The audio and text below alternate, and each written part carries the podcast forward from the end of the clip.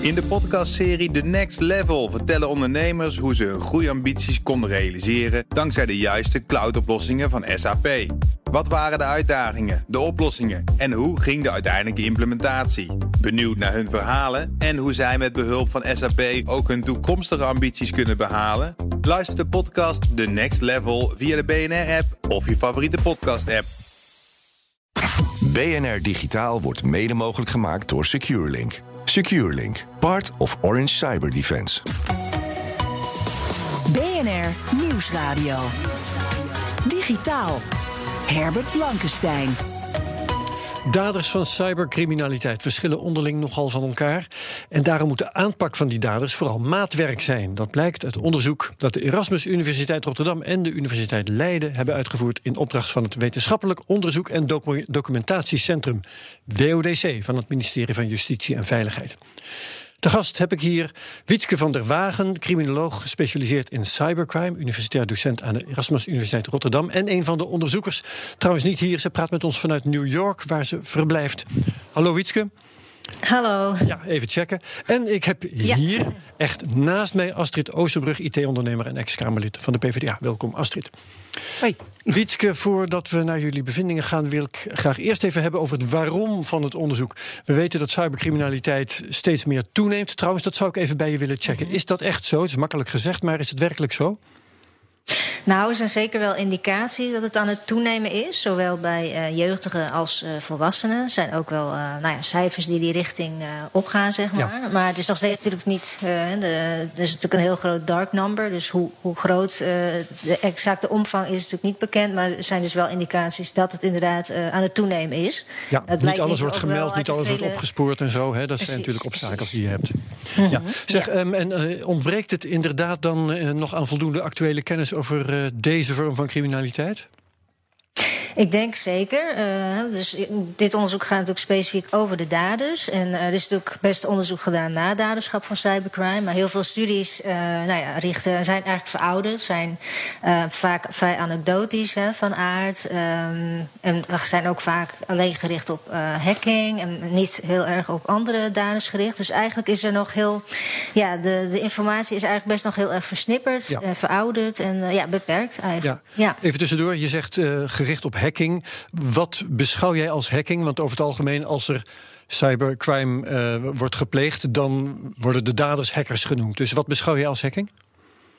Nou, ik ben, mij ervan bewust dat het uh, begrip hacking natuurlijk vrij uh, breed kan zijn. Ja. Vrij breed geïnterpreteerd kan worden. Uh, dus ook, nou ja, soms wordt er ook een niet-criminele definitie natuurlijk aan gehangen. Ja. Kijk, in dit onderzoek hebben we natuurlijk ons gericht op computervredebreuk. Dus dan gaat het echt om illegale vormen van hacking. Dus waarbij echt systemen mm -hmm. op illegale wijze worden binnengetreden, zeg maar. Ja. Dus dit, hier hanteren we meer de enge definitie, zeg maar. Zeker. En jullie hebben, dat vind ik een van de int interessante aspecten van het onderzoek. Jullie hebben 14 daders persoonlijk gesproken.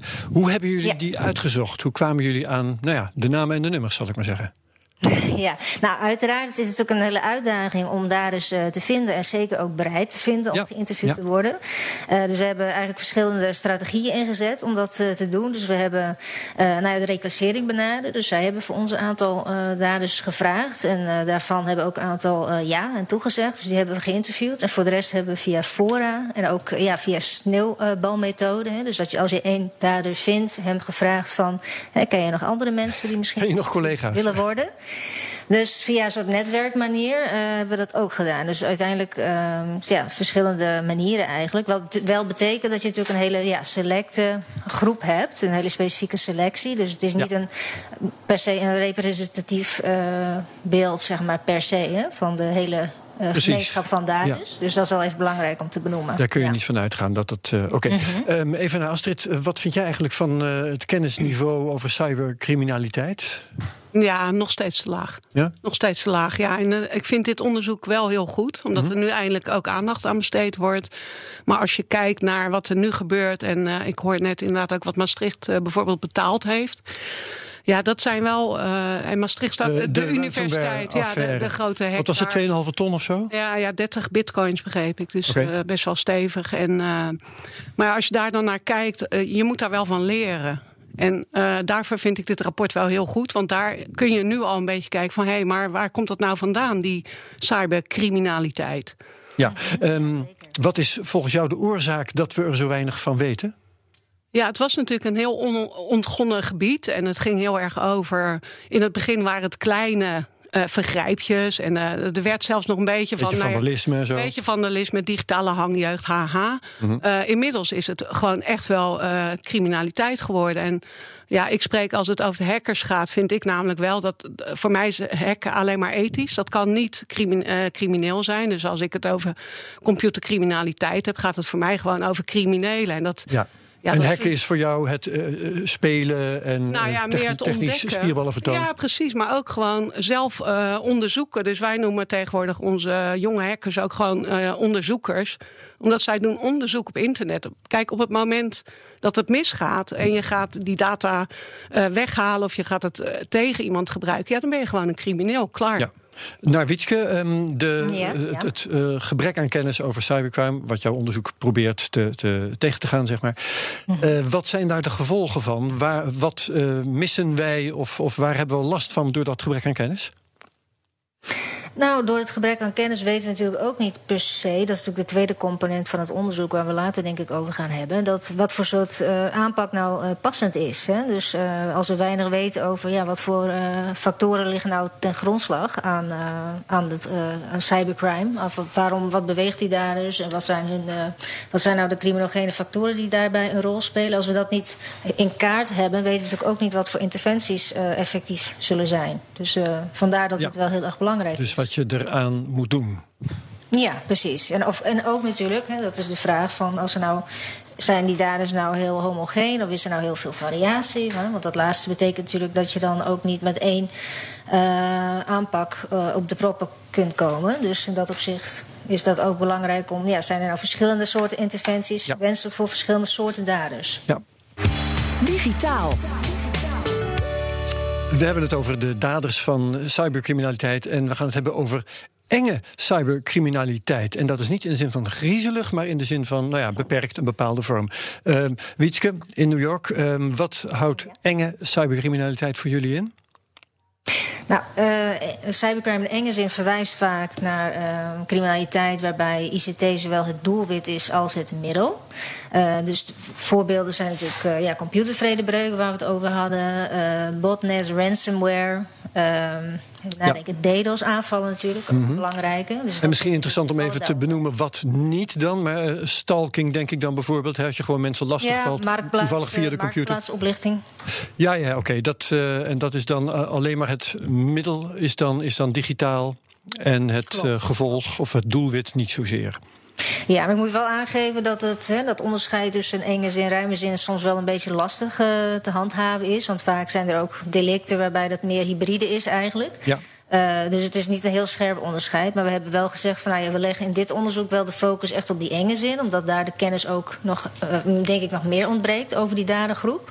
Plus dat we het idee hadden van nou juist die daders hebben waarschijnlijk een meer een uniek profiel. Dat was onze aanname in het begin. Dus we hebben ook uh, gekozen. Anders wordt het onderzoek wel heel erg breed. Ja. Maar we kwamen tot wel tot ontdekking dat het niet helemaal los te koppelen valt, natuurlijk, van die. Uh, dat snap ik. Jullie zijn uh, jullie groep cybercriminelen gaan vergelijken met daders van, nou ja, gewone criminaliteit. Um, waarom wilde je dat? Want jeetje, je kunt toch ook zeggen, criminelen zijn criminelen. Wat maakt het uit? Nou ja, goed. We wilden juist, hè, ook met het idee van... Uh, moeten we nou nieuwe interventies ontwikkelen... of kunnen we bestaande interventies uit de voeten... juist wilden we weten wat zijn nou de verschillen... ten opzichte van traditionele daders. Want als, het, ja, als er hele andere dingen aan ten grondslag liggen... of als er een hele andere problematiek speelt... of hele andere motieven, hè, of wat dan ook... dan is dat gewoon belangrijk voor de aanpak. Want anders ja. kunnen bestaande interventies misschien averechts werken voor de groep. Hè? Dus, ja. uh, Oké, okay, wat voor verschillen komen er dan uit uh, de bus? Nou, ik denk verschillende verschillen, zeg maar. Dus eigenlijk als je al kijkt naar uh, de motieven bijvoorbeeld. Hè, dat, ja, er zijn heel veel motieven hoor, moet ik even voorop stellen. Ja. Maar motieven die nou heel specifiek bij deze daders uh, spelen, hebben ook heel veel uh, nou ja, met de techniek te maken. Hè. Dus er is natuurlijk een deel die is gedreven door nieuwsgierigheid, mentale uitdaging, leergierigheid. Dus die wil eigenlijk de grenzen opzoeken van wat kan ik met. Een beetje zoals de hackers van, van Astrid. Ja, ja precies. dus in die zin is dat niet per definitie per se kwaadaardig. Maar dat kan natuurlijk wel, uh, de grenzen kunnen op een gegeven moment wel overschreden worden. Dus dat men denkt, van ja, ik wil weten van hoe kan ik dit systeem, uh, hoe kan ik het misbruiken? Is het te misbruiken? He, dus dat, dat men steeds meer die kant zeg maar uh, opgaat. Ja. Zonder het per, per, definitie te misbruiken. Maar men wil gewoon achterhalen, kan ik dat misbruiken? dus dat soort motieven spelen een rol. En dat soort motieven spelen denk ik in mindere mate een rol bij traditionele criminaliteit. He, die mentale uitdaging. Um, ja, voor de rest, kijk, kick, spanning en dat soort motieven kun je natuurlijk stellen van, nou ja, dat, die zie je ook wel bij traditionele daders. Maar het kan zijn dat dat in de online dimensie, of in de online wereld een ander soort dimensie ook, uh, ook krijgt. Ja. Dus nou ja, dat is één verschil qua motieven. En ook qua, nou ja, ja eigenlijk uh, op heel veel fronten zien we wel uh, verschillen ook. Hoe Ja. komen ze Ja. met die vorm van criminaliteit in aanraking? Ja, Oké, ehm, Astrid, jij werkt ook met eh, jeugdige nou, delinquenten, maar in elk geval eh, hackers die over de schreef zijn gegaan. Ja. Soms in hun onschuld. Ehm, zoals eh Wietske dit vertelt, eh, kun je dat onderschrijven? Eh, ja, alleen merk je wel dat in die doelgroep, inderdaad, die nieuwsgierigheid staat daar wel bovenaan. In, in jouw doelgroep? Ja, bedoel mijn doelgroep. Ja. Echt, eh, want eh, die zijn zeg maar rond de 12 tot eh 17 jaar. Eh, jij helpt die gasten op het eh, ja. rechte pad te krijgen. Hè? Dat nou is, ja, eh, te houden vooral. Want ik denk dat je veel eerder moet zijn en eh, moet leren wat, wat, wat kan nou wel, wat kan nou niet. En wat dat betreft is het, eh, nou ja, het, wereldwijde web, het hele internet, noem het maar op. Dat is één grote speelplaats. En eh, je leert heel veel regels in het dagelijks leven. Van je gaat geen dingen lopen stelen. Je pakt geen brood weg uit een winkel. Ja. Maar op internet is dat gewoon anders. Dus, eh, en als je, zolang je dat niet leert wat daar de regels zijn, ja, is het he- ook heel lastig om goede straffen te bedenken. Nou, gelukkig is het OM daar wel heel adequaat op ingesprongen. Vindt het ook belangrijk eh, om daar ook eh, wel straffen voor te bedenken die dan gaan helpen. En dan via eh HackRight, dus vanuit eh, bureau HALT, is dat juist een straf voor deze jonge hackers die gewoon of over de scheef zijn gegaan of inderdaad schade hebben aangericht, soms wel van 10 miljoen euro, maar eigenlijk niet omdat ze graag iets kapot wilden maken, maar omdat het gewoon heel makkelijk is en kon. En nou ja, in zo'n school luistert dan niet of zo'n bedrijf luistert dan niet als je melding doet. Dus wat ik heel erg nu doe is deze jonge melders gewoon leren hoe doe je een goede melding. Als er niet direct ge- eh, eh, geluisterd wordt, meld dan nog een keer of kom bij mij. Uh, en wij proberen inderdaad vanuit DIVD, dus de Dutch, Institute for Vulnerability Disclosure, lekker Nederlands, proberen wij uh, deze lessen mee te geven. En, en dan Ja. zie je dat, want je zult met een groep, nou ja, een soort uh, tegengroep zul je dit moeten gaan, ja, het internet moeten gaan repareren. Zorgen dat de criminelen steeds minder kans krijgen. Want het is wel heel, heel, heel makkelijk nu, ook met de hele Citrix-hack weer, om gewoon ergens binnen te komen Ja. en dingen stuk te maken. Of, uh, nou ja, data weg te nemen. Nou wordt jouw groep op een andere manier geselecteerd, hè? want jullie kijken sowieso naar, naar, al naar jonge mensen, Ja. hè? vaak vanuit Ja. de schoolsituatie. Eh, Wietske, um, hoe, hoe zit het bij jou eh, veertien cybercriminelen die waren op een andere manier? Zijn die ook allemaal heel erg jong of zijn er ook wat ouderen bij? Hoe, hoe divers is die groep? Mm, nou, eh, een belangrijk punt inderdaad. We hebben alleen volwassen daders geïnterviewd. Maar eh, een groot deel van die eh, daders hebben, zijn eigenlijk begonnen met het plegen van hun delict. Of hebben alleen delict gepleegd toen ze nog minderjarig waren. Dus in dat opzicht uh, hebben we ook wel zicht gekregen, juist op uh, aspecten die bij minderjarige daders een rol spelen. En bovendien, uh, we hebben natuurlijk heel veel expert-interviews afgenomen. En juist uh, die jonge daders hebben best heel veel centraal gestaan in die interviews ook. Ja, en Dus dus, we dus dat waren experts, mensen die verstand hadden van een dergelijke groep en verstand van de Ja. cyberwereld en zo. Ja, dus dat is een ander onderdeel van je mensen de onderzoek. Politie hebben we gesproken, reclassering, OM. Ja, heel veel, eigenlijk, heel veel, eigenlijk alle partijen die wel iets doen met cybercrime. En dan voornamelijk experts die dan ook daadwerkelijk met daders in aanraking komen. Ja. Bijvoorbeeld eh, ja, in het kader van de interventie. En dan eh, blijkt uit jullie onderzoek dat er eh, ook nogal wat variatie is wat betreft het bewustzijn van die daders. hè, van wat ze aan het doen zijn, het, het moreel, moreel besef, zeg maar, en, en wat ze op het spel zetten. Hoe, hoe, ja, hoe beschrijf je die verschillen? Divers. Ja. Um, nou, wat denk ik een hele belangrijke bevinding is in ons onderzoek, is dat, uh, dat die online wereld een hele belangrijke rol speelt bij die perceptie van uh, schade en het slachtoffer. Want er is eigenlijk natuurlijk heel weinig zichtbaar van hè, jouw gevolgen, wat je doet. Hè. Je kan soms een DDoS-aanval plegen en een heel, allerlei bedrijven gaan plat. En het is, gigantisch veel financiële schade. Maar ja. daar ziet dat niet. Die, die, ja, die zich daar dus niet uh, helemaal van bewust. Ja, het lijkt een stuk minder erg dan het in, in de fik steken van een auto, maar intussen is het erg. Ja. Dat is wat je bedoelt. En het idee van ja, het is een spel. Het is een, ik, zit in een soort hyperrealiteit. Of ik zie eigenlijk niet wat er allemaal uh, gebeurt. Dus dat is wel een dimensie uh, die denk ik speelt. En, uh, en daar is in de interview zelf.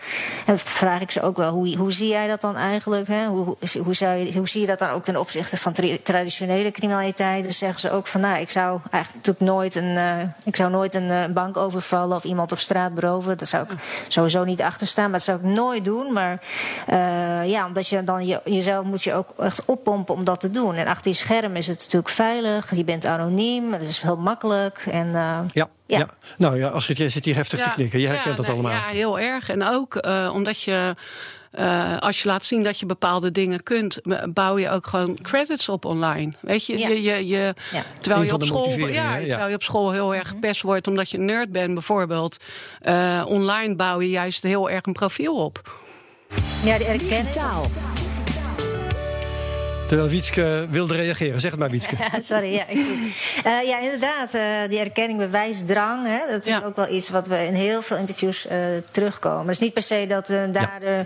helemaal geen erkenning krijgt in de offline wereld. Dat is ook een, een zou je kunnen zeggen, een groep waar, waarbij dat inderdaad ook heel erg speelt. Maar er zijn ook, ik denk in de algemene zin viel het mij op in dit onderzoek dat het eigenlijk bij alle daders heel erg speelt. Van ja, laten zien wat je kunt en ook ja, daarvoor worden beloond of voor gewaardeerd. Hè. Dus die.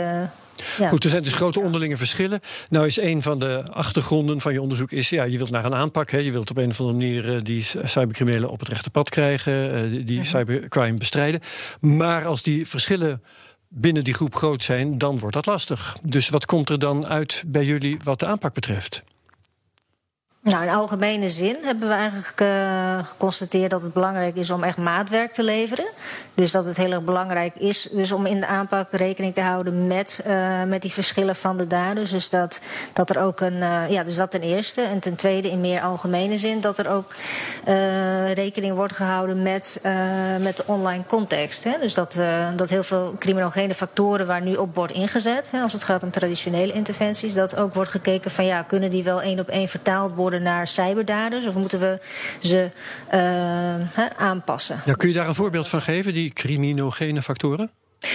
Nou, als er bijvoorbeeld sprake is van, hè, wat natuurlijk bij traditionele daders ook kan spelen, als er gebrek is van uh, bepaalde sociale vaardigheden waaraan gewerkt zou kunnen worden. Hè, wat uh, je zou kunnen stellen van ja, is dat bij. Iets als je kunnen verplaatsen in een ander. Bedoel je dat soort ja, zaken? Precies, precies dat, soort, ja. dat soort zaken. Dus ja. interactie met mensen, sociale interactie met mensen, maar ook inderdaad een heel belangrijk aspect wat je daar aanhaalt. Dus in, inleving in een slachtoffer en uh, consequenties van bepaalde handelingen kunnen overzien, inderdaad. Dat is al dat soort aspecten. Dus uh, dat speelt ook bij traditionele daders. Maar je zou dan kunnen kijken van interventies die daar nu al op inspelen. Of je die dan anders zou moeten vormgeven. Om ook, om ook in te spelen op die. Omdat daar natuurlijk heel veel ook online zijn. Dus enerzijds hun offline uh, interacties om daarop in te spelen. Maar misschien ook iets te doen met het online. wat er online allemaal afspeelt. Ja, Astrid, brengt dat jou op ideeën? Nou, weet je, de, uh, volgens mij ben je dan al te laat. Ik, ik zou veel liever aan die voorkant willen zitten. Dus al veel jonger. Uh, we weten allemaal op dat je niet. ja, op school, ja. en dijn en zo. Ja, precies. We weten van je gaat niet naar een, een, een winkel en stilt daar uh, snoep of wat. Dat weten alle kinderen. Er zijn altijd kinderen die gaan het dan toch proberen, worden gepakt. Maar je merkt dat het algemene beeld rond stelen uit winkels, dat doe je gewoon niet. Uh, online, als ik al die, deze jongeren spreek, die, die voelen dat niet als stelen. Dus als je daar nee. al begint met leren van wacht even, maar het maakt niet uit of jij een virtueel brood ja. steelt in een spelletje waar iemand anders voor betaald heeft. Of je steelt een brood uit een winkel waar iemand ook hard voor gewerkt heeft. Dat is eigenlijk hetzelfde. En als je dat jong leert, uh, dan ik denk dat je dat uiteindelijk ja. veel meer minder cybercriminelen overhoudt. Je houdt altijd nee, criminelen over, maar dat, dat heb je ook in de offline wereld, maar dat heb je ook in de online wereld. Wietske wil reageren. Ja.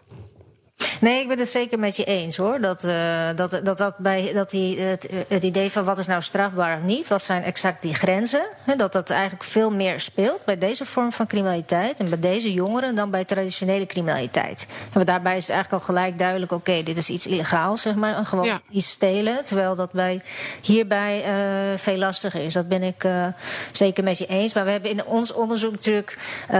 dus dat op zich moet daarop ingespeeld worden met interventies. Door te leren van ja, wat is goed, wat mag wel en wat is nou responsible. Nou, wat, wat Astrid meer bedoelt, denk ik, is op school al ja. hameren op dat, nou ja, ja nee, zeker. stelen mag niet en, en, stelen je, online is ook stelen. Zodat je uiteindelijk minder cybercriminelen overhoudt en die je dan wel uh, overhoudt. Nou ja, daar heb je een programma als HackRight voor als het een first offender is en als het echt een diehard crimineel is, hup, gewoon, uh, krijg je gewoon dezelfde straffen. Want uiteindelijk weet je wel of je wel of niet crimineel bezig bent. Dat moet je uiteindelijk heel duidelijk zijn. En als je inderdaad een, een, een, uh, een, een school platlegt. Uh, en daar ook geld voor vraagt, dan weet je dat kan niet anders dan dat je weet dat je gewoon crimineel bezig bent, dat je daar gewoon voor gestraft wordt. Ja, nee, ik ben helemaal met je eens. Maar dan zit je inderdaad helemaal in de preventieve sfeer. Want ja. in ons onderzoek ook heel erg gericht natuurlijk op daders die al één keer gepakt zijn. En wat doe je dan? Maar meer in algemene zin uh, komt mm. uit ons onderzoek naar voren dat preventie, inderdaad bijvoorbeeld op scholen, zowel als het gaat van wat is wel en niet strafbaar, maar ook wat zijn nou juridische implicaties van stel je krijgt nou een strafblad, wat voor gevolgen heeft dat nou voor je verdere ontwikkeling? En als je daar ook op inzet, zou dat inderdaad zeker, denk ik, in algemene zin heel goed, goed zijn. Ja, dat is helder. Dus die, die groep die uh, uiteindelijk als criminelen toch binnenkrijgt, daarvan zeg jij, die moet je op maat uh, gaan behandelen op een of andere manier. Maar ja, zoals we dat in de ICT zeggen, uh, dat schaalt niet. Dan moet je iedereen een individuele aanpak gaan bieden. Het is uh, ook duur, nee, lijkt mij. Natuurlijk, nou ja, maar je kunt natuurlijk kijken van wat is in dit specifieke geval uh, aan de orde. Want je zegt, het is natuurlijk altijd misschien een soort standaardpakket van nou, waarschijnlijk dit soort interventies zijn sowieso uh, passend. Maar je kan natuurlijk uh, kijken van nou, heel, in dit specifieke geval is het heel erg van belang dat deze dader meer inzicht krijgt in wat is nou de schade geweest voor dat slachtoffer. Dat je denkt van nou, ik ga een soort herstelbemiddelingsgesprek organiseren bijvoorbeeld. Maar in dit specifieke geval is het juist beter omdat we meer op die sociale en cognitieve vaardigheden van de dader richten. Dus we gaan daar uh, meer op inzetten. Dus meer ja. op, op die manier, omdat er altijd, hè, dat is ook wel uit ons onderzoek, dat er altijd een combinatie van bepaalde factoren een, uh, een rol speelt. Want je kan ook zeggen van, nou, deze dader heeft, heeft, een hele, die heeft een, echt een drang naar erkenning. Dus je kan daarop inzetten omdat hij zich meer gewaardeerd voelt en dat et cetera, et cetera. Maar nog steeds is het belangrijk tegelijkertijd ook in te zetten op wat is nou ethisch hacken. Want als iemand dat nog steeds niet weet, dan, uh, dan, heb je, dan, ja, dan genereert het nog steeds geen. Uh, een niet-criminele niet carrière. Ja, ja, Ik wil de boel nog even op zijn kop zetten. Want um, je kunt zeggen: uh, zet goede sleutel, sleutel op je huis. Uh, voed uh, potentiële criminelen op. Maar we hebben natuurlijk ook de slachtoffers. Daar, daarvan wordt in de ICT-wereld ook wel gezegd. die zouden zichzelf een beetje beter moeten beschermen. Dus um, het opvoeden van potentiële slachtoffers. Hebben jullie daarin verdiept, Wietske? Of is, valt dat helemaal buiten de context van je onderzoek? We hebben ons daar niet in verdiept in dit onderzoek. Maar het is natuurlijk wel een leuk puntje dat natuurlijk daders, die ik heb geïnterviewd. de gelegenheid maakt de dief, zelf, zou ik maar zeggen.